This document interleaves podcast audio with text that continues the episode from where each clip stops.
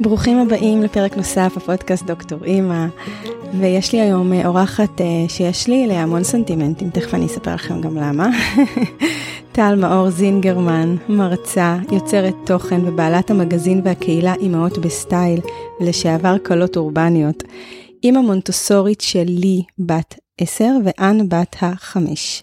מוסמכת מונטוסורי assistant מטעם AMI מגיל לידה עד 12. אמרתי הכל נכון? כן. היי טל. היי, איזה כיף להיות פה. איזה כיף שאת כאן. אני רק אסגור את הפינה של הסנטימנטים. טל הייתה הפודקאסט הראשון שהתארחתי אצלו. אני זוכרת את השיחה הראשונה שאני פניתי אלייך נכון. כדי שנקליט פרק על חינוך ביתי, כל כך אהבתי את הפודקאסט שלך והקשבתי לו, זה הפודקאסט הראשון בעברית גם שעקבתי אחריו והקשבתי לו. טוב, ראיתי עוגות שמרים אז אמרתי אוקיי, משהו טוב חייב להיות שם. כן, ככה קראו לו פעם, עוגת- שמרים וקפה. וקפה. נכון, אז עוגת שמרים וקפה, אני הייתי שם אה, מאזינה אדוקה ו... והפרק שלנו, ומאוד מאוד אה, ככה נהניתי להתארח אצלך, וגם אמרתי לך שהסטנדרטים של הפודקאסט שלי, הרבה מהם היו בז... מהזרעים של האירוח הראשון. אז אה, היי טל, היי, איזה כיף להיות, שוב אני אומרת שכיף להיות פה, כי מבחינתי זה גם איזושהי אה, סגירת מעגל. כתבתי לך את זה, שהייתי מאוד שמחה לבוא ולבוא לפודקאסט שלך. כי בעצם מה שקרה זה משהו שלא חשבתי שאי פעם יקרה. השיחה שלנו, שאני לא זוכרת בדיוק על מה ואיך ומה היה שם בשיחה, אבל אני זוכרת את ההשפעה שלה עליי. זה בעצם פתח לי את הראש לעולם של החינוך הביתי. זה כאילו משהו שאף פעם לא חשבתי עליו, אף פעם לא... לא חשבתי שיש כזאת אופציה, זה היה נשמע לי משהו כזה מאוד אחר, מאוד שונה, מאוד אקזוטי, מאוד כזה קצת מוזר. והשיחה הזאת, אני לא, אני לא זוכרת למקם אותה על רצף הזמן, אבל היא התקיימה והוקלטה, וזה מאוד עניין אותי. ואז קרה משהו שהפך את כולנו להורים בחינוך ביתי לפרק זמן מסוים, קורונה. ואז הרגשתי שפתאום דברים מתחילים להתחבר לי, שכל מיני דברים שדיברנו עליהם בשיחה שלנו, פתאום אני חווה אותם במציאות. כאילו נכנסתי למציאות אחרת לגמרי, שבה הבנות בבית כל הזמן, אחת מהן לומדת מהבית, ו... וזהו, ו... וככה ככה התחלתי, התחלתי לפתח ביני לבין עצמי דרך אחרת, שלא חשבתי שאני אצעד בדרך הזאת אז כשהקלטנו את, ה, את השיחה. אני רק ממקמת אותנו, אנחנו הקלטנו כשהיית אה, בסוף הריון, אני חושבת עם אן, נכון? כן. אז אה, כן, ככה מבחינת ההתמקמות. אבל מה שאת אומרת, גם, כשכתבת לי ואמרתי לך שזה גם מאוד הפתיע אותי וריגש אותי, ו... אבל אני אשמח שתמשיכי, כי זה, אני מרגישה שכן, אני רוצה לשמוע עוד. מה, מה קרה שם? לאן זה לקח אותך? מה שקרה זה שלי הייתה בדיוק ב... אני חושבת שב... אני חושבת שבאמצע כיתה א', כשכל הסגרים וכל ה... הדבר הזה התחיל לקרות, והיא הייתה בבית. ומערכת החינוך בעצם, שעד אז היה משהו שהוא אוקיי, כאילו קמים בבוקר, כל אחד ואחת אה, עושים את שלהם, וחוזרים אחר כך הביתה, פתאום מערכת החינוך נכנסה אליי לתוך הבית. אה, זומים, אה, משימות אה, אסינכרוניות, כל מיני מושגים. כן, מושגים. אה, הייתי שומעת את הזומים, הייתי, ליוויתי את לי בהתמודדות שלה בכל הדבר הזה, ו, ולא אהבתי את מה שראיתי. לא אהבתי. ועוד משהו שקרה, זה שכשהתחילה ללכת לכיתה א', אמ, פתאום גיליתי שהיום לימודים בבית ספר מסתיים אה, ממש מוקדם, מסתיים ב-12:45, ויום העבודה שלי לא יכול להסתיים ב-12:45. אז uh, הדבר הטבעי היה לרשום אותה לצהרון, ואז היא הלכה מהבית ספר לצהרון. ואחרי שנגמרו היה את כל ענייני הסגרים, כל מיני כזה וזה, ופשוט היא הודיעה לנו ש... הם אמנם חזרו ללמוד בבית ספר, אבל היא הודיעה לנו שהיא פשוט לא רוצה לחזור לצהרון.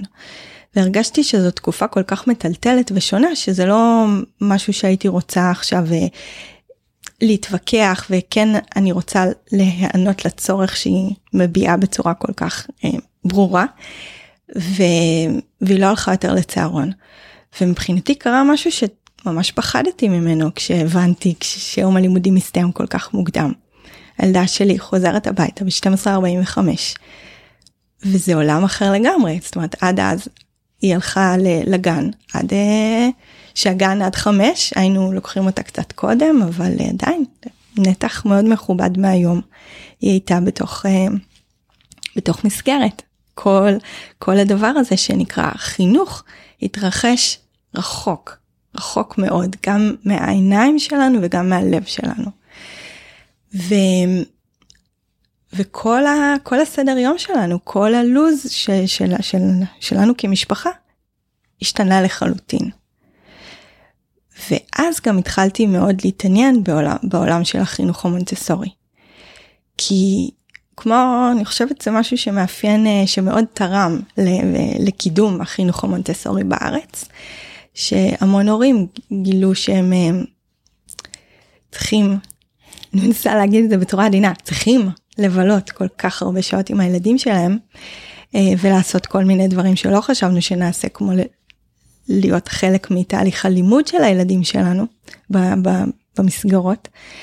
ו, ופשוט חיפשנו חיפשנו משהו אחר חיפשנו אלטרנטיבה ואז בדיוק זה הניצנים שזה הגיע לארץ וזה פשוט נפל כפרי בשל אה, לתוך משפחות כמו המשפחה שלי. אה, וזה ממש זה ממש סקרן אותי זה ממש כבש אותי העולם הזה ואז התחלתי ללמוד התחלתי לעשות עוד קורס ועוד קורס ועוד קורס אה, וזה בעצם איזשהו מסע שהתחלתי אותו לא דמיינתי אני אני עדיין אני רק בתחילת המסע זאת אומרת לא סיימתי ללמוד חינוך מונטסורי. ואת אולי זוכרת אותי מהשיחה הקודמת אני זה נשמע לך כאילו כמו משהו שהיית אז אומרת עליי היום? אני לא יודעת, בסוף את יודעת, הדברים איכשהו מתחברים. אני מנסה רגע להבין למה מונטוסורי, אה, מה, כי את זוכרת את המפגש הראשון הזה, את ה, איך, איך, איך נפל עלייך או נחשפת? אה, התחלתי להיחשף בגלל שאני בן אדם מאוד ויזואלי, ואני מעצבת, ואני, החיים שלי מאוד עשויים מחיפושי השראות, המון המון אה, הוויזואליה מאוד מובילה אותי בחיים שלי. וכשחיפשתי רעיונות, הכי קלישה שיש עכשיו, חיפשתי רעיונות לדברים שאני יכולה לעשות עם הבנות בבית, כי בסגר הראשון הם, לא עבדתי כמעט בשום דבר. זאת אומרת, כל הפרויקטים שלי כעצמאית, כולם היו בהקפאה. כמעט היה לי לקוח שהיה אז מאוד חזק, בית חולים כללית, זה היה תקופת הזוהר שלו. אמ, אבל חוץ, מ, חוץ מהעבודה עם דוברות בית החולים, לא הייתה לי עבודה כמעט. כל הפרויקטים, הכל נמשך לי מתחת לרגליים. והיה לי המון זמן והבנות היו בבית וחיפשתי כל מיני לי הייתה אז בת שש שבע אנה הייתה אז בת שנתיים, קצת פחות משנתיים, ו... וחיפשתי, הכי קלישה, רעיונות לפ... לפעילויות. וגיליתי את כל העולם הזה של אה, פעילויות בהשראת מונטסורי, או כל מיני דברים שאנשים מגדירים אותם כמונטסורי, אמ, והכל היה מאוד יפה.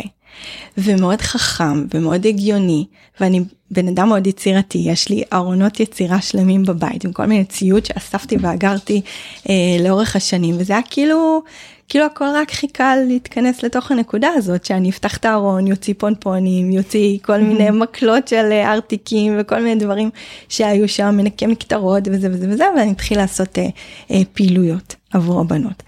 ו, ואז התחלתי יותר לראות תמונות של אה, סביבות מונטסוריות בגנים, בבתים, ונמשכתי לאסתטיקה. כאילו, באמת, הגעתי לכל הדבר הזה מאיך שזה נראה. הכי הכי שטחי, אבל גם לא באמת שטחי. זה לא באמת שטחי, בעיניי זה מעיד על כל כך הרבה הנראות והוויזואליות, אנחנו יודעות את זה.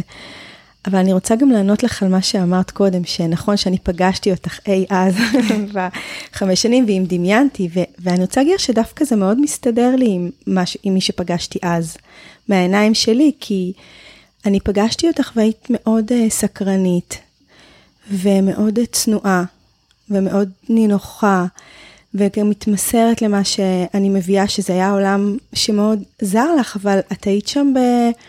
במין הכלה כזאת, אז דווקא זה מסתדר לי שהחיים ייקחו אותך למקומות ש... אומרת שלא תעצרי את עצמך, אז, אז במובן זה זה דווקא מאוד מסתדר לי, לאן שהגעת. זה נשמע, זה, זה, זה מחמיא, אבל באמת, אני לא, אם היית מבקשת ממני לתאר את מסלול חיי, לא, לא הייתי רואה אותו ככה.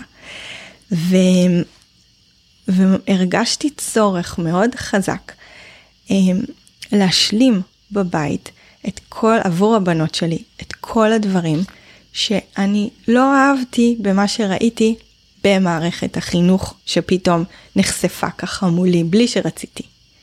לא רציתי לראות, אני, אני לא רוצה להישמע יותר מדי קשה, אבל שמעתי את אה, דוקטור אייל דורון אומר בצורה מאוד נחרצת שמערכת החינוך אין לה שום הצדקה, אז אני ארשה לעצמי גם להגיד, אני חושבת שהתמונה שאני גיליתי הייתה תמונה מאוד עגומה.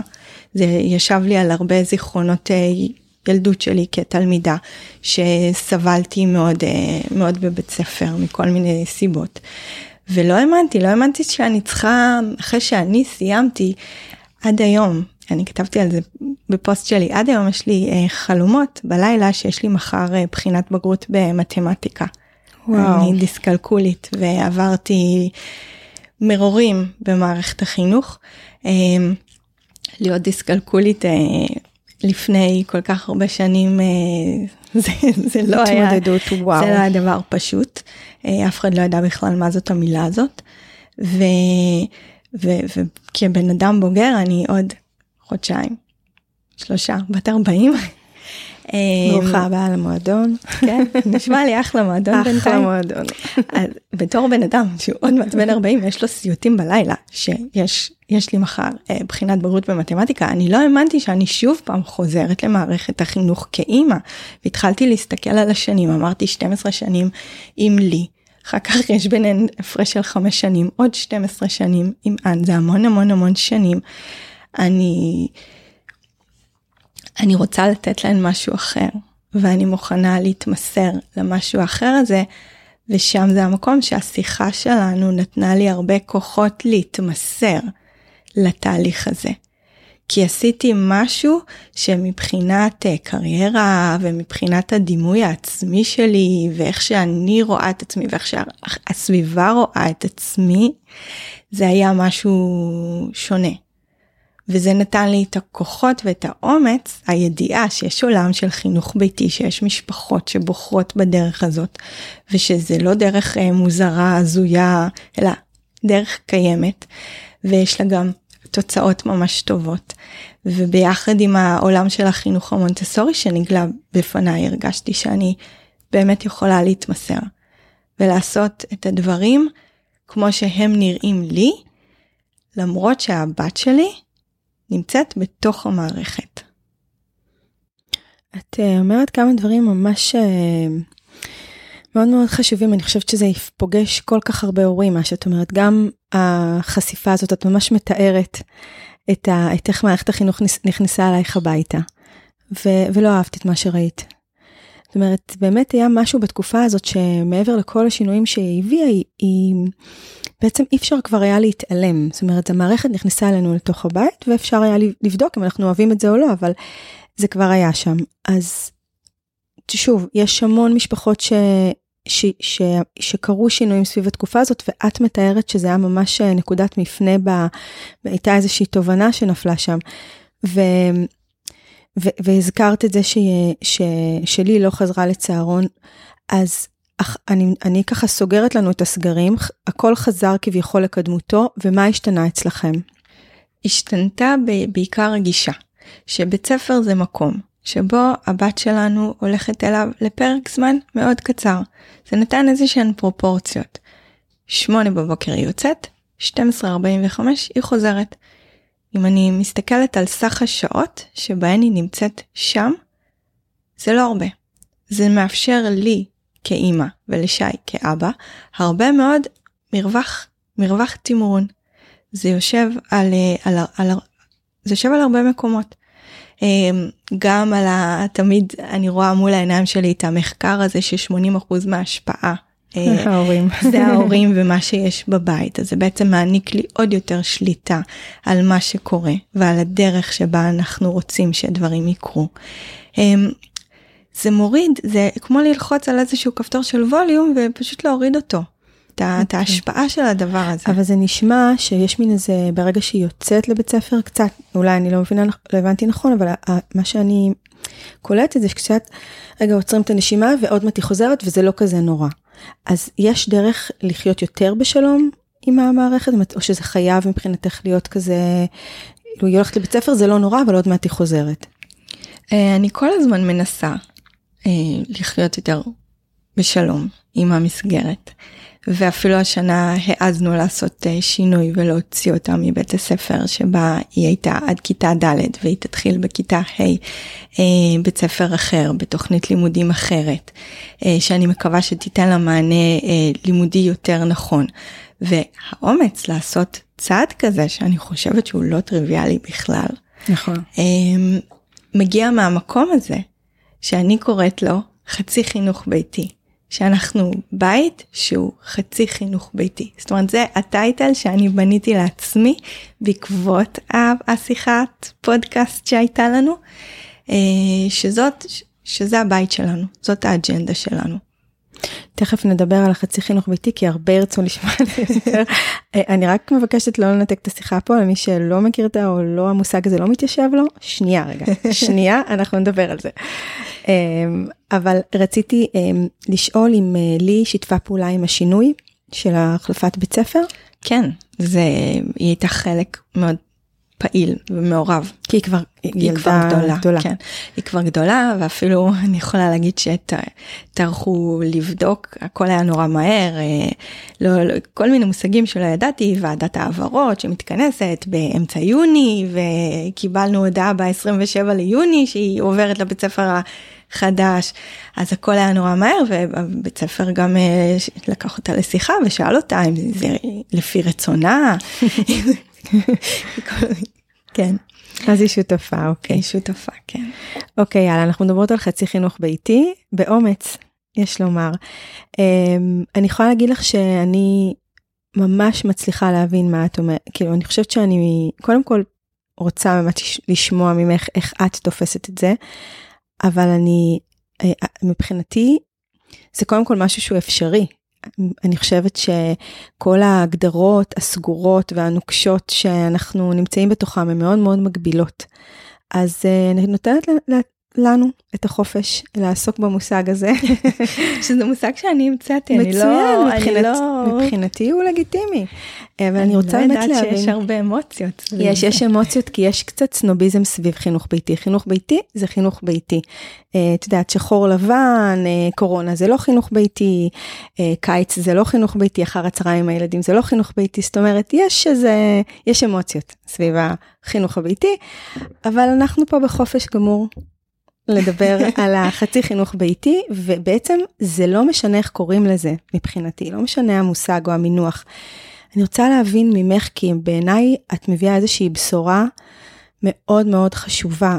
אני המון בתוך העולמות האלה מחפשת גוונים, ודווקא לא את השחור לבן, כי אני חושבת שבסוף המורכבות היא הרבה יותר אה, משמעותית מהקצוות. אז, אה, אז זה מה שממש אה, עושה לי את זה ב... ב... ב, בשיח הזה. אז תספרי פשוט מה קורה אצלך ובעיניי זאת הבשורה. קודם כל אני אגיד שהקצה, הלבן או השחור, לא יודעת, הקצה של חינוך ביתי בסקאלה, ברמה האישית, אחרי כל השנים שעברו וכל מה שעברתי, לא מפחיד אותי. זאת אומרת, יש לנו עוד משפט בבית שהוא נקרא מקסימום חינוך ביתי. זאת אומרת זה לא משהו שמפחיד, לא אותי ולא את שי, יכול להיות אנחנו שומרים לעצמנו את הזכות אולי בעתיד, בהמשך, עם הבת הקטנה שלנו, אם לא נרגיש שאנחנו במקום טוב מבחינת המסגרת שהיא אה, תהיה בה. זכות שאנחנו שומרים לעצמנו כהורים לדרך שבמידת הצורך נלך בה. זה לא משהו שמאיים עלינו ומפחיד אותנו. מצד שני, גם המסגרת זה לא משהו שמאיים או מפחיד. אנחנו חיים עם המסגרת, מנסים לעשות את זה כמה שיותר בשלום ובהרמוניה ולא באיזושהי, לא יודעת, לא יודעת להגיד את המילה, אבל אה, אז ובאמת זה, זה קשת כמו שאת כמו שתיארת ואנחנו פשוט מנסים למצוא את הדרך שבה היא, היא תהיה הכי טובה קודם כל לבנות שלנו. ותמיד מהדהד לי המשפט אין, אין דבר כזה חצי הריון שאני מניחה שיש הרבה שאומרות את זה על חינוך ביתי. אמ, אבל אני כן מרגישה בנוח עם ההגדרה הזאת. היא עושה לי הרבה סדר בראש.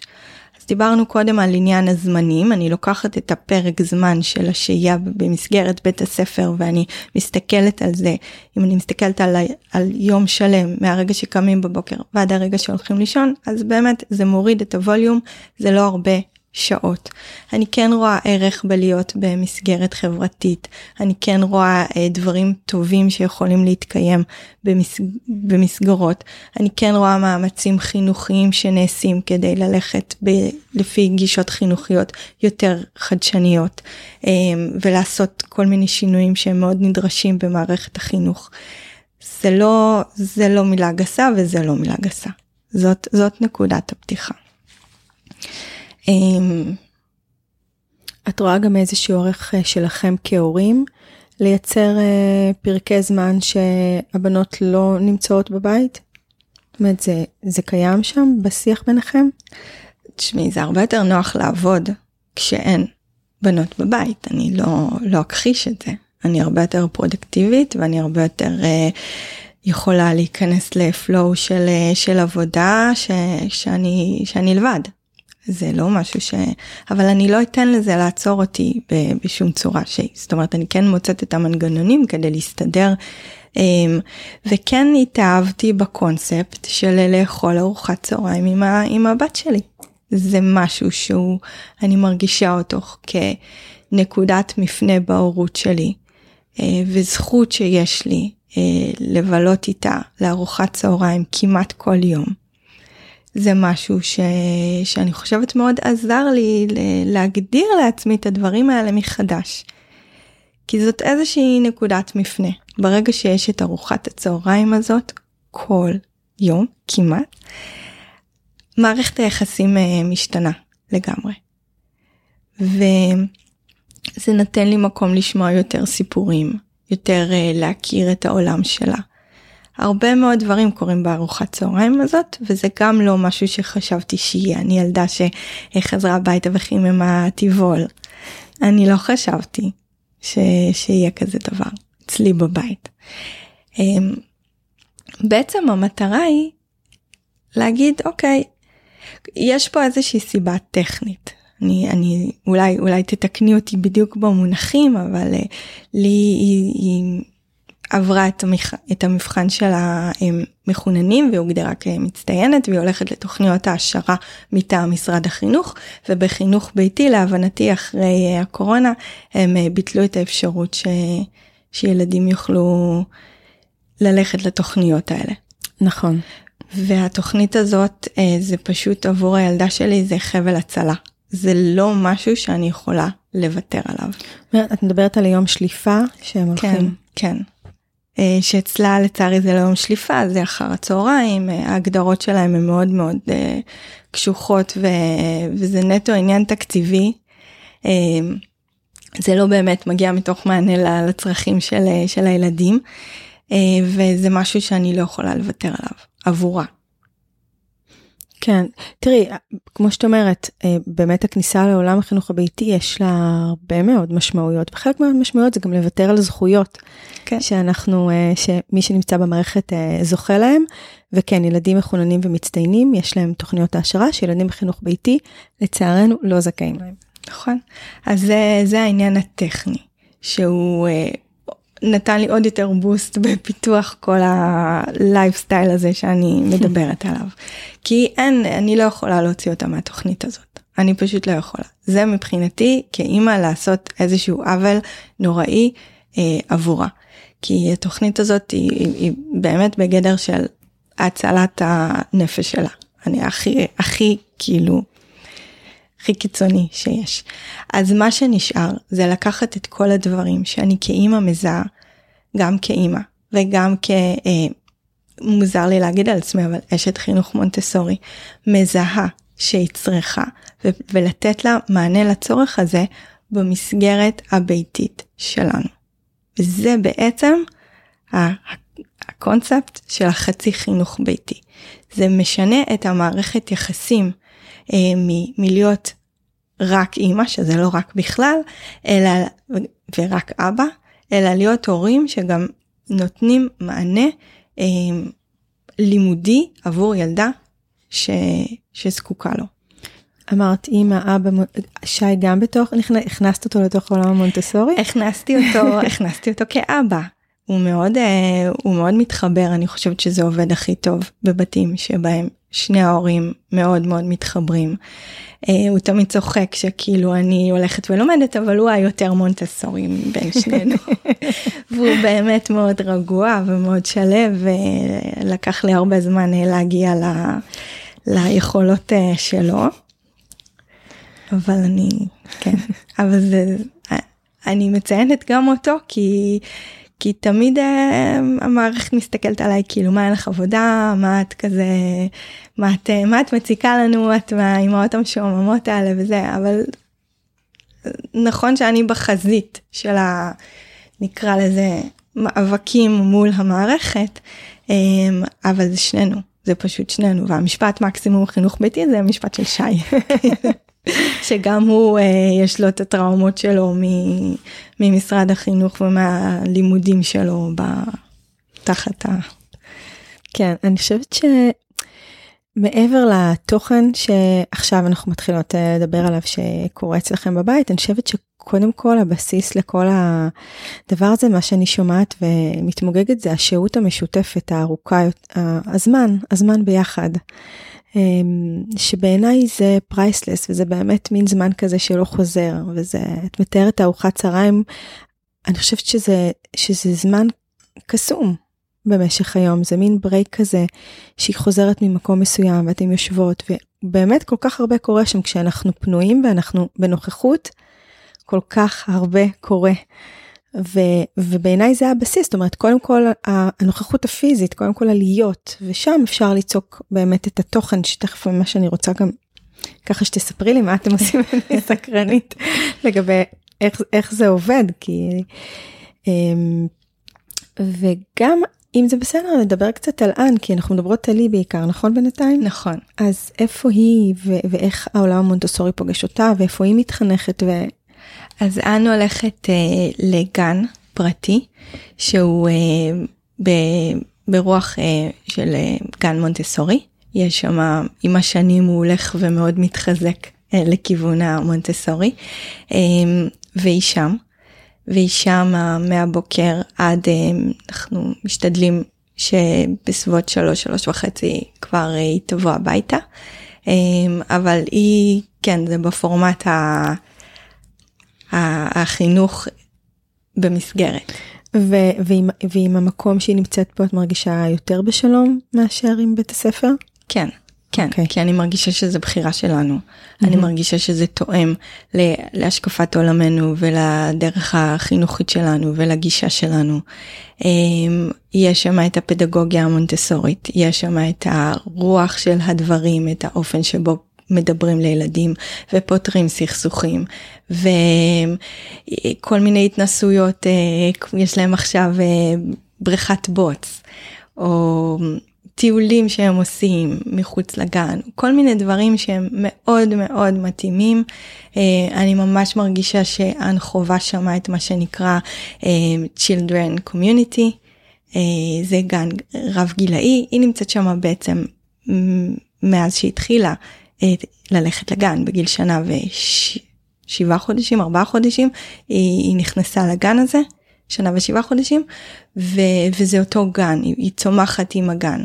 וואו. הגן הוא לא התחיל מגיל 3 עד 6, היא צמחה אה, לתוכו, זה הבית שלה.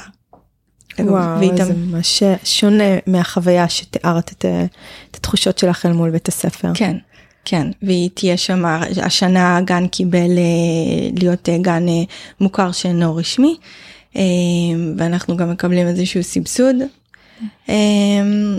והיא תמשיך להיות שם גם שנה הבאה שזה גן חובה. ואז? ואז אני לא יודעת, מקסימום חינוך ביתי זה. איזה יופי שיש את, ה, את המקסימום זה לא מפחיד, כאילו, זה לא מפחיד אותנו, כאילו כל האופציות פרוסות ואנחנו נעשה את הבחירה. וואי, איזה גמישות, זה מטורף, מה שאתם מציגים.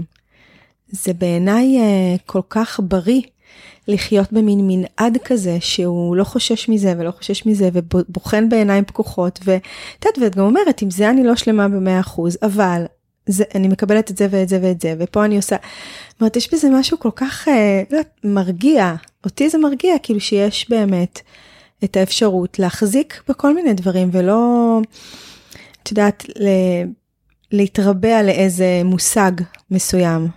וזה... וזה החצי חינוך ביתי, כי זאת התפיסה. התפיסה היא בעצם אומרת ש... וזה לא משהו שחשבתי עליו לפני הסגר הראשון.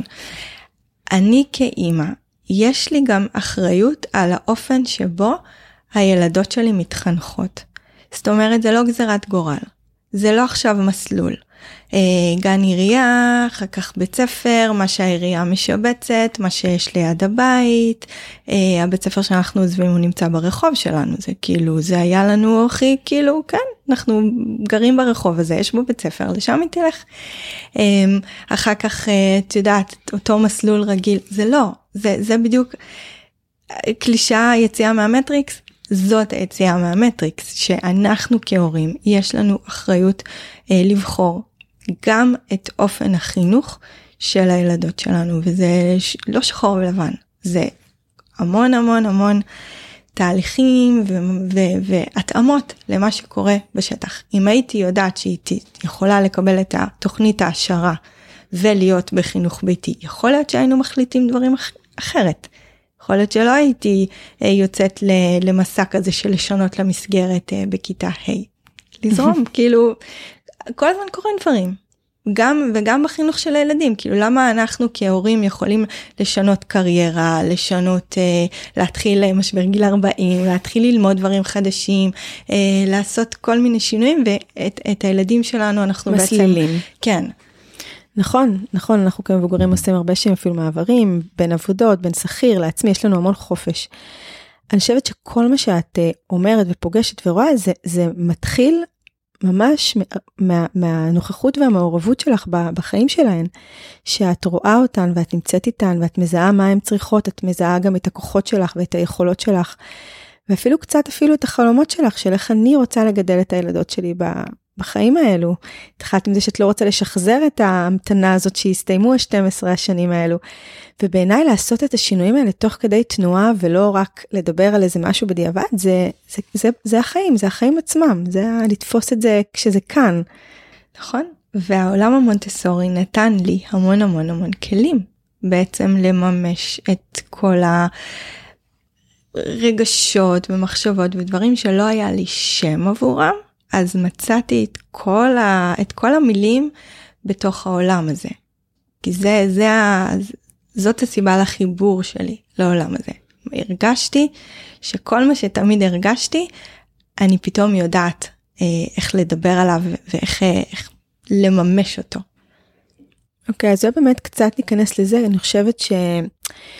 מה שאני פוגשת אצל המון הורים שבאמת הילדים במסגרת זה קצת איזשהו חשש מזמן משותף. ממש אני יכולה להגיד את זה ככה כי הורים אמיתים אומרים את זה, מה אני הולכת, כל אחר הצהריים זה איזשהו מרוץ אחרי אה, אה, חוגים או חברים ורק כדי באמת לסגור את היום. בואו נסגור את היום, איך נסגור את היום? יש מיני הרבה פעמים חשש מהשהות המשותפת, גם המון פעמים חשש מסופי שבוע ואז באמת עושים המון המון תוכניות ו... ו- ו- ופה אני כן רוצה קצת שנדבר על הזמן המשותף הזה שלך עם, ה- עם הבנות, מה קורה שם, איך, איך זה, זה לא מבהיל אותך. איך... קודם כל היה לי את החשש, היה לי, היה לי. כשלי הייתה קטנה, אני לא הכרתי את העולם המונטסורי, לא הכרתי אה, דברים אחרים, כן הרגשתי איתה לסגור פינה וחוגים וכל הדברים ופעילויות ו playdate וכל הדברים שאת אומרת. אה, זה הגיע, בדיעבד אני יכולה להגיד שזה הגיע מתוך טראומה מאוד גדולה של, ה, של הלידה שילדתי את לי ב... אה, לפני הזמן, היא הייתה אה, פגית, מאושפזת אה, חודש בטיפול נמרץ, נזרקתי לתוך העולם הזה, בי הייתה טראומה שלא טופלה, ולא, והיה לי איזשהו כאב מאוד מאוד גדול שהפריע לי אה, להתמסר לאימהות, והפריע לי, אה, פשוט הפריע לי, וכשטיפלתי בטראומה הזאת, יכולתי יותר אה, ליהנות מהאימהות. זה משהו שחשוב לי להדגיש כי הרבה פעמים אני יודעת שהפחד הזה הוא יש לו סיבה. זה לא סתם שאנחנו חוששים ומפחדים להיות עם הילדים שלנו. יכולות להיות לזה סיבות אמיתיות. אז אני הבנתי למזלי שזאת הסיבה וטיפלתי בפוסט טראומה הזאת שהייתה לי מהלידה ואז משהו בי השתחרר.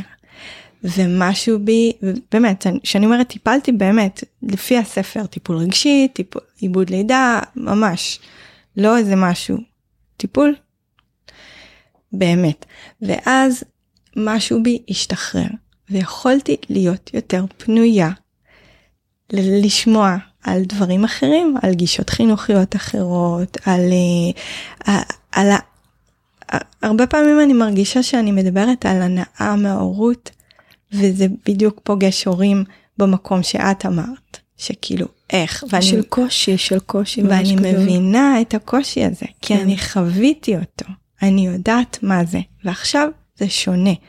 ניקיתי, זה היה קשה, אני לא, אני לא רוצה לייפות את המציאות, זה היה קשה, כל, כל התהליך הזה שעברתי, ו, ועכשיו אני באמת בשנים האחרונות במקום של, של הנאה, של כיף, של התמסרות.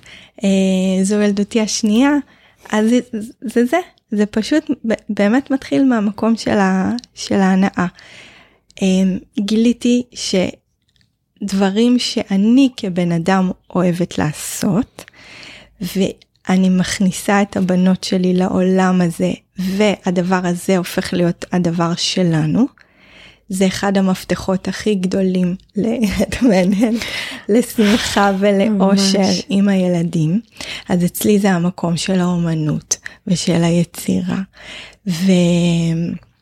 ובדיוק היום היינו כל היום בבית והבנות ציירו וזה היה כזה אני העליתי סטורי לאינסטגרם ואני יודעת שיש אנשים שאולי חושבים שזה כן אני מעלה זה אחר כך הם רבו והלכו לא אני זה אמיתי הכיף הזה ואני יודעת שזה מעצבן אנשים שעוקבים אחריי וזה נראה. זה דורך על נקודות אני יודעת יש חברות שלי שאמרו לי אני לא עוקבת אחרייך כי זה דורך לי. Mm-hmm. ואני מבינה ומכבדת ומקבלת אבל זה אמיתי אני רק מראה את האמת בכל השנים שלי שאני פעילה ברשתות החברתיות אני כבר בלוגרית כותבת תוכן כל, ה, כל אני כבר מ-2010 בעולם הזה. זה המון המון זמן. וה, והכל אצלי באמת אמיתי ואותנטי. ו, והמקום הזה של ה... um, להיות בתוך החוויה, uh, אם אני עם הבנות אז אני עם הבנות, נותן לי המון שקט, איזשהו מיינדפולנס של, uh, של להתכנס עכשיו. אני יכולה um, ופה גם העולם המונטסורי מאוד פוגש אותי ונותן לי הרבה כלים להבין כי עם הבת שלי אני תמיד נותנת את הדוגמה של הנמלה. עם הבת שלי אם אנ עכשיו פוגשת נמלה בדרך ונעצרת כדי להסתכל עליה, אני אסתכל ביחד איתה. אני לא יאיץ, אני לא אמהר, אני אבין, אני אתן מקום לנמלה הזאת ואני נותנת את זה תמיד כדוגמה כי קודם כל כל ההורים מכירים את זה. ואיזה דבר נהדר זה להוריד את, ה, את הסטרס ואת העצבים מהחיים שלנו, מזה שהילדים שלנו עכשיו עושים את מה שהם אמורים לעשות כילדים, שזה להתכופף לקרקע ולהביט על נמלה. אני מתה על הדוגמה הזאת. אני יכולה להגיד לך ש... שדיברת על מיינדפולנס, באמת צריך להיות ב state of mind מסוים, אחר, צריך איזה שהם... כי אני פשוט חושבת עכשיו על ההורה הזה שמתחיל בשמונה פגישה והוא בדרך לגן והילד שלו נעצר על נמלה. ו- ויש שם קושי עכשיו הקושי הזה הוא הוא שוב כי הוא פוגש מציאות שהיא שהיא אחרת מציאות של אה, גם של כמובן תפיסה וגם של אה, דברים שאנחנו צריכים נדרשים אליהם. אבל אה, אבל זה בכלל לא מה שרציתי להגיד. זה אגב גם העולם המונטסורי פותר את הכל כי יש את המונח של חופש בתוך גבולות. אז יש מקומות שבהם, שבהם אין מקום לפגוש את הנמלה, זה הגבולות. Mm-hmm. אבל כמה שאפשר לתת אז, את אז החופש. בואי, רגע, בואי ניקח שנייה דוגמה של הנמלה, ונגיד ואת קבעת עכשיו פגישה, אוקיי? קבענו להיפגש בחמש, סתם, ניקח פגישה אפילו שהיא לא מאוד uh, פורמלית. קבענו להיפגש ו- ואתם בדרך לאוטו, וממש את ככה על הדקות, ואן פוגשת נמלה. אז איך את מתמודדת בסיטואציה כזאת? קודם כל אני חושבת שאנשים מבוגרים יכולים לקבל איחור בצורה יותר טובה מאשר אה, ילד עכשיו שזה משפט שאני יודעת שאולי יעצבן אבל מבוגרים יכולים לקבל איחורים אני הייתי מאחרת אה, בחמש דקות או עשר דקות זה היה מתקבל בהבנה. אה, לא לכל סיטואציה, יש סיטואציות שבהן אני אומרת לבנות שלי, עכשיו זה הזמן שבו צריך להקשיב לאימא כי יש לנו תור לרופא ואי אפשר. אז יש, זה, זה בדיוק הגבולות, אבל ברוב פעמים אם נסתכל על החיים שלנו בצורה קצת יותר גמישה, רוב, רוב הנסיבות והסיטואציות המבוגרים יוכלו להכיל איחור של 10 דקות וילד שיקחו לו עכשיו את הנמלה יגיב בצורה אה, הרבה יותר קשה מהמבוגר שיאחרו לו. אמ, אני, יש לי משפט, יש לי הרבה משפטים, טנטרום עולה לנו יותר, להיות רגע, כמה זמן ילד יכול עכשיו להסתכל על נמלה? כאילו, זה לא... עשר דקות, כן, חמש עשר דקות. זה שם. בטופ. נכון. להתמודד עכשיו עם טנטרום, זה ייקח, יעלה לי יותר בזמן. זה איזושהי הבנה כזאת ש, שגיבשתי עם השנים, שנותנת לי באמת את הסבלנות ואת האפשרות להתמודד. אבל יש לי תחושה שאת גם מאפשרת לה את הנמלה לא רק בגלל המחיר של מה יקרה אם לא תאפשרי לה, כי את באמת מבינה את הערך שעכשיו קרה פה במפגש הזה שלה עם הנמלה. נכון. כן, נכון. נכון, אז אני אומרת, בסדר, אז, אז, אז אני כמבוגר יכולה, יש, אני יכולה להתנצל, אני יכולה להגיע ולהגיד שאני מתעכבת, יש לי המון כלים שאני יכולה כ, כמבוגרת אה, לנהל עכשיו את, ה, האיחור שלי. כן, אוקיי, אחלה, סיפור הנמלה, אז הוא, הוא, הוא לא, הוא חשוב, יש פה המון המון אה, עומק. אה, אחד הדברים שאמרת והוא ככה, אה, וככה הנהנתי וזה, זה שתיארת שאת עושה, הבנות מצטרפות אלייך לתחומי העניין שלך, ואפילו אמ, אמרת שזה מפתח, ואני מוצאת עצמי אה, משתמשת בזה ואומרת את זה המון. אני, בסופו של דבר, אחד הדברים ש... עשויים להרגיע הורים זה ש... שאין איזה סטנדרטים ואיזה נוש... נושאים או תחומים שחשוב שהילד יפגוש בסופו של דבר. אה, המפגש של ילד והורה, אם הורה לוקח את הילד לתוך עולמו, זה יכול להיות כל דבר. אה, זה בעיניי מסר מאוד מאוד חשוב, שזה לא משנה, אצלי זה יכול להיות המטבח, מישהי אחרת זה יכול להיות טבע. אה, בכל מקום שאנחנו מרגישים בנוח ואנחנו מרגישים שמחה ואנחנו מרגישים שיש לנו מה לתת שם, התוכן הוא, הוא פחות חשוב, אלא יותר התחושה. אז היה לי חשוב ככה להדגיש את זה, להרים את הווליום. כן, כן, זה, זה אחד המפתחות אני חושבת להנאה מההורות, וגם אני כבן אדם יש דברים שאני לא אוהבת לעשות. ואני לא אעשה אותם ואני יודעת זה בסדר גמור. זה בסדר אני לא יכולה להתקרב לפסטיגל. לא יכולה לא מסוגלת אני לא יכולה. כל הכבוד. וגם אם הבנות שלי מאוד מאוד מאוד ירצו אז, אז אין מה לעשות. אני לא אולי מישהו אחר במשפחה יכול לעשות את זה. אני לא יכולה לעשות את זה. אני יכולה לעשות דברים אחרים. כן, יש אסטרטגיות, אני לא כל כך אוהבת ים, ואני מוצאת אסטרטגיות, כי אני חושבת שהם צריכים לפגוש ים, הם מאוד אוהבים, אז אנחנו מוצאים את הדרך להגיע לים. אבל, אז, אבל זה מאוד מאוד חשוב, זה מרגיע, וזה בעצם באמת נותן איזשהו חופש ליהנות, אבל אני שומעת, שמעתי כמה פעמים שאמרת, אז, אז את, את יכולה להגיד היום שאת נהנית מהאימהות שלך? מאוד. כן? איזה כיף. כן, אני כן. כן, אני מאוד נהנית, אני מאוד נהנית להיות איתן. אני חושבת שהם הכניסו לחיים שלי, באמת לא דמיינתי, אף פעם לא חשבתי שזה מה שאני ארגיש. ו... ואני כל כך נהנית, יש לי כבר פרספקטיבה, הגדולה שלי בת עשר, זה כבר תקופה. ויש לי גם פרספקטיבה של מה היה לפני השינוי שעברתי, ומה אחרי השינוי שעברתי. אמ, ואני חושבת שהנאה זה חלק מאוד גדול וגם מונטסורי דיברה על זה הרבה היא דיברה על הנאה היא דיברה על אה, שמחה. Um, הרבה אנשים חושבים שבגנים מונטסוריים אז הילדים הם uh, כמו um, רובוטים קטנים כאלה עושים uh, פדגוגיה, כן, uh, כותבים וזה. האמת היא שגנים מונטסוריים זו סביבה מאוד שמחה. מונטסורי למשל אה, ניגנה בפסנתר, אז היא הייתה מנגנת לילדים בפסנתר. היו שם בקאזה דה במביני המקורי הראשון שלה. אמ, היה שם ריקודים ושירים וצחוק ושמחה.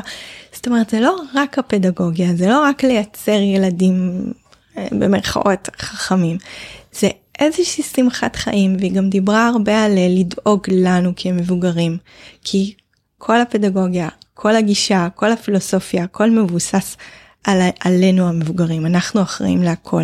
אנחנו אחראים אה, לסביבה הפיזית של הילדים, אנחנו אחראים לסביבה האנושית של הילדים, יש לנו אחריות מאוד מאוד גדולה, וכדי שנוכל לעמוד באחריות הזאת, אנחנו חייבים לדאוג לעצמנו. אה, החל מהיבטים פיזיים, אה, לדאוג לעצמנו ל, ל, לשינה, לאוכל, לכל הדברים שאנחנו חייבים כבני אדם. וגם להיבטים ה... היותר רחבים, אה, למלא את החיים שלנו כ... כאנשים בתוכן וב... ובעניין, ואז באמת כל הדבר הזה יוכל לחזור בחזרה לילדים. זה משהו שהוא מאוד מאוד בסיסי וחלק בלתי נפרד מהגישה המונטסורית. וכשאת חושבת על החיים שלך, אז המילוי הזה שאת מתארת והשמחה, זה איפה, איך את איך את עושה את זה? איך את מתמלאה? מה משמח אותך?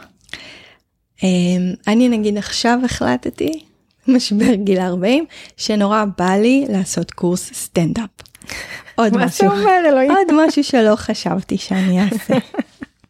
יש דבר כזה? כן, יש דבר זה כזה. זה לא כאילו יש לך את זה או אין לך את זה? לא, יש ממש, יש שיטה, יש וואו. דרך לכתוב בדיחות, לכתוב פאנצ'ים, לכתוב סטנדאפ. זה עולם תוכן מטורף. וואו, הפתעת בטירוף נכון? וואו. כי זה מגיע מתוך מקום שאני, אמ, שאני עושה הרצאות, ואני רוצה שההרצאות שלי, שהן עוסקות בחינוך מונטסורי, אני רוצה שהן יהיו גם מצחיקות, כי הומור זה דרך מאוד מאוד טובה אמ, להתחבר. ולהעביר מסרים. וההרצאות הכי טובות שהייתי בהן, בהן בחיים שלי היו הרצאות מצחיקות, כאילו שהמרצים היו מצחיקים. אז הלכתי ללמוד סטנדאפ, ו... ופעם בשבוע הייתי נוסעת אה, לתל אביב אה, אחר, אה, אחר הצהריים וחוזרת בלילה, וזה הלילה גדול. שבו לא הייתי עם הבנות. אה, והן הן, הן נשאבו איתי לדבר הזה. התחלתי לראות כל מיני אה, קטעי סטנדאפ, אז הייתי מראה לשי ולבנות כל מיני דברים שהם מתאימים לילדים. אה, והתאמנתי על הקטעים שלי, ואני יודעת את הקטע סטנדאפ שלי כמעט בעל פה, בלי החלקים הגסים. וכאילו כל המשפחה נכנסה לתוך הדבר הזה ואני מרגישה שזה הכניס לחיים שלנו הרבה הומור פתאום הבנות התחילו יותר לספר בדיחות פתאום אה, כאילו התגלה איזשהו צד קומי. אה, ש, שפתאום הוא לא רק אבא, לא רק אבא עושה שטויות ומצחיק, גם אימא יודעת להצחיק. גדול. וכל כל הדברים האלה שהם קשורים להתפתחות האישית שלנו כבני אדם, הם אחר כך חוזרים ומגיעים לילדים שלנו. וזה, וזה מדהים, והרבה הנאה. ואני אני כאילו כל הזמן חוזרת על ה... בתוך הרצף הזה של החצי חינוך ביתי, חינוך ביתי וכזה, אני שואלת עצמי אם, ב, אם בתפיסה שלך, או באיך שאת כבר באמת יש לך קילומטראז' אימהות, אם את מרגישה ש, ש, שכאימהות אנחנו צריכות את הברייקים האלה וללכת להתמלא בחוץ, או שיש איזשהו סיכוי שאנחנו נצליח להתמלא תוך כדי תנועה בתוך האימהות? זו שאלה טריקית מאוד, כי אני חושבת שלכל אחד ואחת יש את הסף האישי שלו. אני חושבת שלפני הטיפול שעברתי, אמ, הייתי עונה תשובה אחרת לגמרי.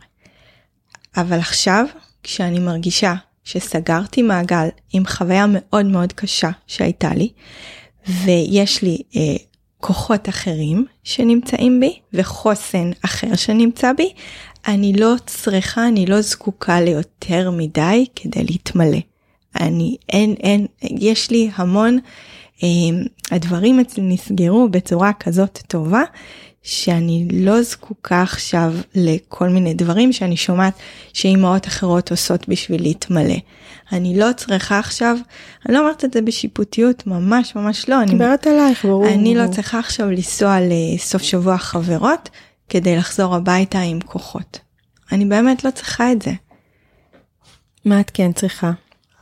אני צריכה ללכת לחדר כושר, לפעמים אם אני לא הולכת לחדר כושר אני מרגישה שאני מתפוצצת. אמ, אם עברו כמה ימים בלי בלי שעשיתי את האימון שלי אז, אז קשה לי וגם הבנות יודעות ושי יודע וזה משהו שהוא מאוד אבל שוב שעה וחצי מהרגע שדור טו דור כאילו. כן. זה לא עכשיו. לא, אבל הזיהוי הזה הוא מאוד מאוד חשוב, של איזה דברים את זקוקה להם ואיך את שומרת עליהם. הקפה, הקפה של הבוקר. אצלי זה הקפה של הבוקר, הצהריים, אחר הצהריים, ערב, לילה. כן, כן הקפה, הטקס הזה של הקפה, אמ, שהוא באמת, אה, זה הרגע שלי, מקלחת. וואו. זה, זה לא... זה כן, בסדר, זה הצרכים שלך, שוב, לא בשיפוטיות לכל הכיוונים, אבל זה מחבר אותי גם למשהו שקצת אמרת אותו באיזשהו אופן, על התפיסה של, ה... התפיסה של הסביבה אותך.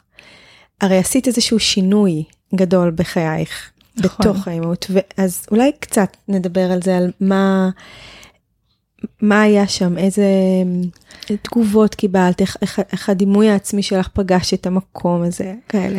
אמ, אז קודם כל אני למי שלא מכירה את הנסק הזה כן חשוב. אני הייתי במסלול מאוד אחר. אני התחלתי את קלות אורבניות כשהייתי ממש אה, צעירה. אמ, הייתי בת 25 אמ, עבדתי על מיזם כזה שהוא נורא תפס והלך והפכתי להיות כזאת מאוד uh, מצליחנית uh, ואחר כך הייתה את המכירה של קלות אורבניות שזה היה וואו כזה מאוד גדול ומלא תקשורת ומלא רעיונות ומלא רצו שאני אהיה מנטורית שלהן וייעץ להן איך, איך לעשות איך לפתוח בלוג איך להרוויח אז זה היה תקופה אחרת, זאת אומרת כל, כל הדברים שיש עכשיו, כל עולם המשפיענות והשת"פים וקוד קופון, לא היה עד אז, זה היה בערך, זה היה ממש נס שהצלחתי לייצר כסף מבלוגינג. אמ, והייתי כזה מאוד בנתיב יזמי, אה, התחלתי לעבוד על עוד, על עוד מיזמים ממשיכים של, של קלות אורבניות, אה, חלק הצליחו יותר, חלק הצליחו פחות. אמ, הייתי כזה בנתיב, הייתי נתיב קרייריסטי כזה, על קלות אורבניות הייתי עובדת בטירוף, שעות ארוכות מאוד. אמ, לא הייתי כמעט נוכחת לצערי, אה, כשלי הייתה קטנה. אמ, הייתי במקום אחר, היו מזמינים אותי לדבר על שילוב קריירה ואימהות, למשל, או על כל מיני דברים בשיווק. הייתי, הייתי מרצה על אה, איך לעשות כסף מבלוגי. לא, זה, זה היה עולם התוכן שבו הייתי נמצאת בו. והייתי כזה, אה, הייתי ממש בנתיב אחר. אבל זה לא שיצאת כל יום משמונה עד תשע למשרד, כאילו לא. עדיין הייתה איזה גמישות כזאת, נכון? תמיד עבדתי מהבית, אני מהאנשים שעובדים מהבית עוד אה, הרבה לפני 2020, אה, אבל זה לא אומר שזה לא היה אינטנסיבי. שלי הייתה קטנה, הייתה מטפלת שהייתה באה אלינו הביתה, ונמצאת איתה בזמן שאני הייתי אה, עובדת. עובדת, סגורה בחדר ועובדת, אז כן הייתי יוצאת ומניקה אותה, אבל חוץ מזה, הייתי שם, הייתי שם הרבה את פחות. עבדת המון שעות. כן, עבדתי המון המון המון שעות, היה לי המון drive מטורף לכבוש את העולם אה, וכזה. ואז היה איזשהו, מבחינתי, איזשהו שבר של אה, רגע, אז מה, מה זה אומר עליי עכשיו? איפה, איפה טל הקרייריסטית שנמצאת אה, במרוץ? היזמית עם ההצלחות עם הקבלה המטורפת הזאת של המכירה זה גם נורא קשה ליזם מגיעים ל- ליזמית מגיעה לאיזשהו פיק של הצלחה. ואז כאילו מה את מנסה לשחזר את ההצלחה הזאת כאילו זה נושא אחר לפודקאסט אחר אבל זה זה מאוד קשה להיות במקום הזה כי לא הרגשתי שאני מצליחה לשחזר את אותה הצלחה. לא הצלחתי לשחזר את אותה הצלחה. אז אה, ו- ודווקא מצאתי את עצמי הלב שלי מצא את, את עצמו בעולם של האימהות. אז איפה אני ומה אני ומה זה אומר בעצם. זה ממש אה, הזהות שלך משוטטת כזאת אה, מכל מיני עולמות. כן, אבל אני חושבת שהסביבה פחות, אה, בדרך כלל זה תהליכים שבן אדם עובר עם עצמו והסביבה זה פשוט לא מעניין אף אחד. למען האמת. זה נכון, אבל כשאנחנו פגיעים ונמצאים באיזה מקום שהוא לא בטוח, אז אנחנו שומעים דברים בווליום, או בווליום יותר גבוה, ואת יודעת, זה בסוף הכל הם קולות פנימיים, אם אנחנו מגיעים, אם, אם את רוצה, אני מסכימה עם זה לגמרי, הכל בתוכנו, הכל אצלנו, בסדר, אני, אני שם לגמרי, אבל הרבה פעמים זה באמת אה, פתאום הדימוי העצמי. נמצא באיזשהו, אה, באיזשהו סימן שאלה, ושוב, כמו שאמרת, מה זה אומר עליי ומי אני, ואיפה את ממוקמת בתוך הסבך הזה עכשיו? אז מבחינה מקצועית אני עוד לא יודעת בדיוק להגדיר, יש את אימהות בסטייל, שזה איזושהי ישות כזאת אה, יותר טל של פעם, ויש את אה, טל מאור זינגרמן, שהיה את הנקודה הזאת ששיניתי את השם של החשבון אינסטגרם שלי מאימהות בסטייל לטל מאור זינגרמן, זה היה הנקודה שבו השלמתי עם, עם כל השינויים ועם מי שאני. אז טל היא אה, עוברת עכשיו תהליך אחר. והיא צומחת למקומות אחרים והיא מתפתחת למקומות אחרים סליחה שאני מדברת על עצמי בגוף שלישי אבל זה זה ההתבוננות שלך. כן אה, ושם אני נמצאת במסע המונטסורי שלי שאני עושה אותו אה, יד ביד עם ה-AMI. אה, ו- ומה ש- מה שהיה באמת כאילו כל ההסמכות וכל מה שעשיתי עד עכשיו זה באמת רק תחילת הדרך מבחינתי אני רואה שם משהו מאוד אה, מאוד ארוך טווח אה, מאוד אה, יש יש לי דרך שאני רואה את עצמי צועדת בדרך הזאת אני מחברת בין היז... היזמת, יזמית, איך אומרים? גם וגם אני גם, חושבת נכון? כן. מחברת בין הישות היזמית שלך לבין העולם התוכן שאת עכשיו פוגשת, ואני אומרת, אה, להקים בית ספר, לא?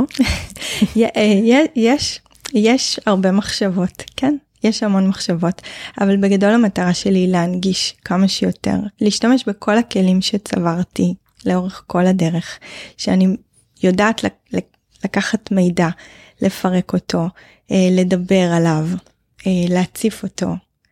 זה אחד גם הד- לארוז אותו, הכל אצלך מאוד אה, פיין, אני כאילו, וואו. כן, גם לארוז אותו ולהנגיש את העולם המונטסורי להורים כמה שיותר בשביל אה, בשביל זה נשמע הכי נאיבי מה שאני הולכת להגיד עכשיו אבל בשביל ה, בשביל העולם בשביל האנושות בשביל הילדים שלנו שכמה שיותר אה, ילדים יזכו לקבל מההורים שלהם את, ה, את האפשרות לחיות אה, בבית שהוא יותר אה, קשוב ונגיש ומתייחס אליהם בצורה שבה אה, אני מרגישה שזאת הצורה שצריך להתייחס לילדים. זה, זה באמת, זה, זה מגיע מהמקומות האלה. ותוך כדי זה גם באמת לייצר אה, הורות שהיא שמחה ונינוחה ופחות ופחות בסבל כי כי אני אני יוצא לי פשוט המון בזמן האחרון להתעסק בזה שזה שזה מאוד מורכב להיות הורה. נכון. מאוד מאוד מורכב, ובאמת להגיע למקום הזה שאת uh, מתארת ומציפה אותו בלי להתנצל גם ברשתות, למרות שאת מקבלת גם פידבקים פחות כיפים. ואת אומרת, אפשר אחרת, אפשר ליהנות מזה, וגם את מביאה את זה בתוך מסע ש, שידעת משהו אחר, ואת גם כל הזמן אומרת, אני עוד בדרך, אני, יש לי עוד, עוד, עוד, עוד, עוד מה. שזה מקסים בעיניי, כי את, כאילו יש לך את היכולת להתבונן מלמעלה גם על מה שהיה, גם על איפה שאת, וגם על עוד לאן יש להגיע, כאילו את ממש, הרצף הוא, הוא מולך, וזה ממש אה, מרתק. איזה כיף, אז רגע, יכעסו עליי עכשיו על ההגדרה חצי חינוך ביתי? לאט לי נראה שאני הולכת לקרוא לפרק חצי חינוך ביתי, ואז זה נראה. אמ, אבל באמת, אה, אני מרגישה שיש לי כלים של אה, למידה אמיתיים לתת, אה, לתת איתם מענה אמ, לשלב ההתפתחותי של גיל היסודי. אני מתכננת גם להמשיך אה, ללמוד על, אה, על השלב הבא, על גיל הנעורים, כי זה מעבר לפינה. אבל באמת ברגע שאני מבינה את הצרכים ההתפתחותיים והחברתיים והלימודיים וכל העולם הזה אה, של ילדים בגיל היסודי, אז אני כאימא עם ההגדרה חצי חינוך ביתי יכולה לתת מענה, גם מענה לימודי, ש... אמרתי בהתחלה, דברים שאני רואה שלא מתקיימים במערכת החינוך, והחינוך המונטסורי מדבר עליהם. אה, ניתן כמה דוגמאות ממש קטנות.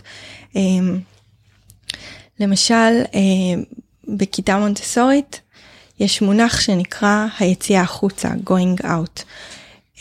זה מגיע מתוך הבנה שבניגוד לגיל הרך שבו כל, ה, כל העולם יכול להתקיים בין המדפים והמגשים וכל הדברים האלה שאנחנו מאוד רגילים לראות בסביבה מונטסורית, אחרי גיל 6 זה לא מספיק. זה לא מספיק למוח של הילדים ולצרכים של הילדים, ובעצם ילדים צריכים ללמוד מהעולם, לא רק מהעולם, מהיקום.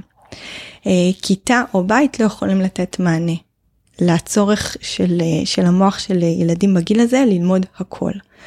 אז בכיתה יש את המושג שנקרא אה, לצאת החוצה, שבה ילדים ממש מתכננים יציאות החוצה מהכיתה. ועושים הכל, את כל מה שצריך אה, לחפש מידע, לתאם, להתקשר, להזמין כרטיסים, אה, לצאת ולהתנייד בתחבורה ציבורית כשהמורה הדוגמה, יש דוגמה קלאסית, אם הם טועים, היא לא תגיד להם שהם טעו, היא תרד ביחד איתם בתחנה הלא נכונה. אה, ושם בעצם מתרחש תהליך של הלמידה. וזה חלק בלתי נפרד מתוכנית הלימודים בבית ספר מונטסורי. וזה משהו שלא מתקיים במשרד החינוך. פשוט לא קורה. אז זה המקום שלי כאימא שמאוד מתחברת לגישה וגם לפדגוגיה הזאת ליישם את זה בבית בזמן שלנו שהוא אחרי 12:45. למשל, דוגמה, דוגמה אחת מבין כל מיני דברים שמתרחשים בכיתה מונטסורית שהם לאו דווקא לשבת וללמוד עם, ה, עם העזרים והתרגילים. אז את בעצם מרגישה שאת כל ההשלמות האלה, את כל תפיסת העולם שלך שאת היום מאוד מאוד מחוברת אליה, את עושה כן. בבית בכל השעות, בכל השעות שאת נמצאת עם הבנות שלך. כן. אה, חינוך לשלום, שזה למעשה אה, דרך שילדים אה, בחינוך המונטסורי עוברים מגיל, אפילו לפני גיל שלוש. מה זה אומר? זה אומר לדעת לפתור סכסוכים לבד. אה, זאת אומרת, לא לבד, בתיווך של המבוגרים, אבל כל היכולת של אה, לפתור סכסוכים וקונפליקטים ולדון על כל מיני נושאים שהם אה, בעייתיים ונפיצים ומעוררי אמוציות, זה דברים שהם חלק מתוכנית הלימודים בגנים מונטסוריים ובבתי ספר מונטסוריים. וזה כיום במערכת החינוך ילדים לא מקבלים את הכלים האלה בכלל. אז פה אני כאימא בחצי חינוך ביתי אני אומרת את זה עם חיוך, אה, יכולה לתת את, ה, את התהליך הלימודי הזה. אוקיי, okay, כן, זה בעצם את משלימה את כל מה שאת מאמינה בו ותופסת אותו כנכון והכרחי וחשוב בתוך החיים שלהן. אבל אני חושבת שזה באמת יושב על, אה, על, על, על, על הנוכחות, על המעורבות, על הרצון להיות ביחד, על הנינוחות שלך בתוך הביחד, על ההנאה שלך בזמן המשותף. ובתוך כל זה, זה אלו בעיניי היסודות, הרבה דברים יכולים להתרחש. אה, פדגוגיה כזאת או אחרת, את יודעת, את מאוד מחוברת לעולם מונטסורי, ואני אמרתי לך שבאופן אינטואיטיבי יש שם משהו שמתחבר לי, אבל בעיניי זה יכול להיות באמת כל דבר, אם יש את ה... שוב, את, את המקום הזה של הביחד והרצון והמעורבות, זה... נכון, לא חייבים לתת לזה טייטל, ויש עוד גישות שיכולות להתקיים בבית, ויכולות לא להתקיים במסגרת החינוכית. וזה בסדר. וזה בדיוק המקום הזה של אין שחור או לבן. אני חושבת שבסופו של דבר מי שהכי מרוויחים מהקשת הזאת ומהעובדה שזה לא שחור ולבן זה הילדים. לגמרי. אני ממש יכולה לחבר את זה ובאמת אה, ככה אה, אם אנחנו מתכנסות ולהגיד ש... שזה מסר מאוד מאוד מאוד חשוב. המקום הזה שהוא לא שחור או לבן, שיכולה להיות מערכת ועדיין אפשר אה, וכדאי שאם זה משהו שהוא מתאפשר ורצוי על ידי המשפחה שהילדים יהיו גם יותר בבית ושוב דיברנו על זה בעניין של הסללה שהם הולכים לאן שאומרים לנו עד מתי שאומרים לנו אני זוכרת שיש גילאים צעירים שגם אין גנים שנגמרים מוקדם אז מחליטים לך כהורה שאתה צריך לבוא לאסוף בארבע. כל מיני דברים ואני פה אני רוצה קצת להחזיר את האחריות אלינו ולהגיד בוא נבדוק איך אנחנו רוצים לחיות את החיים שלנו וכמה אנחנו רוצים לבלות עם הילדים שלנו. חצי חינוך ביתי רבע חינוך ביתי שלושת רבעי לא משנה תמצאו לכם את המינון הנכון לכם ו... וזאת בשורה חשובה בעיניי מאוד. כן כן זה, כן לגמרי לגמרי אני שוב זאת הגדרה שעשתה לי המון סדר והזרע של ההגדרה הזאת נובעת באותו פרק. ש... נראה לי נצטרך לשים אה, לינק לפרק לפרק הזה זה באמת אה, מבחינתי נקודת אה, מפנה מאוד גדולה בחיים שלי ואני מקווה ש... שאת כל התהליך הזה הצלחתי לארוז איכשהו. ושלא יכעסו יותר מדי.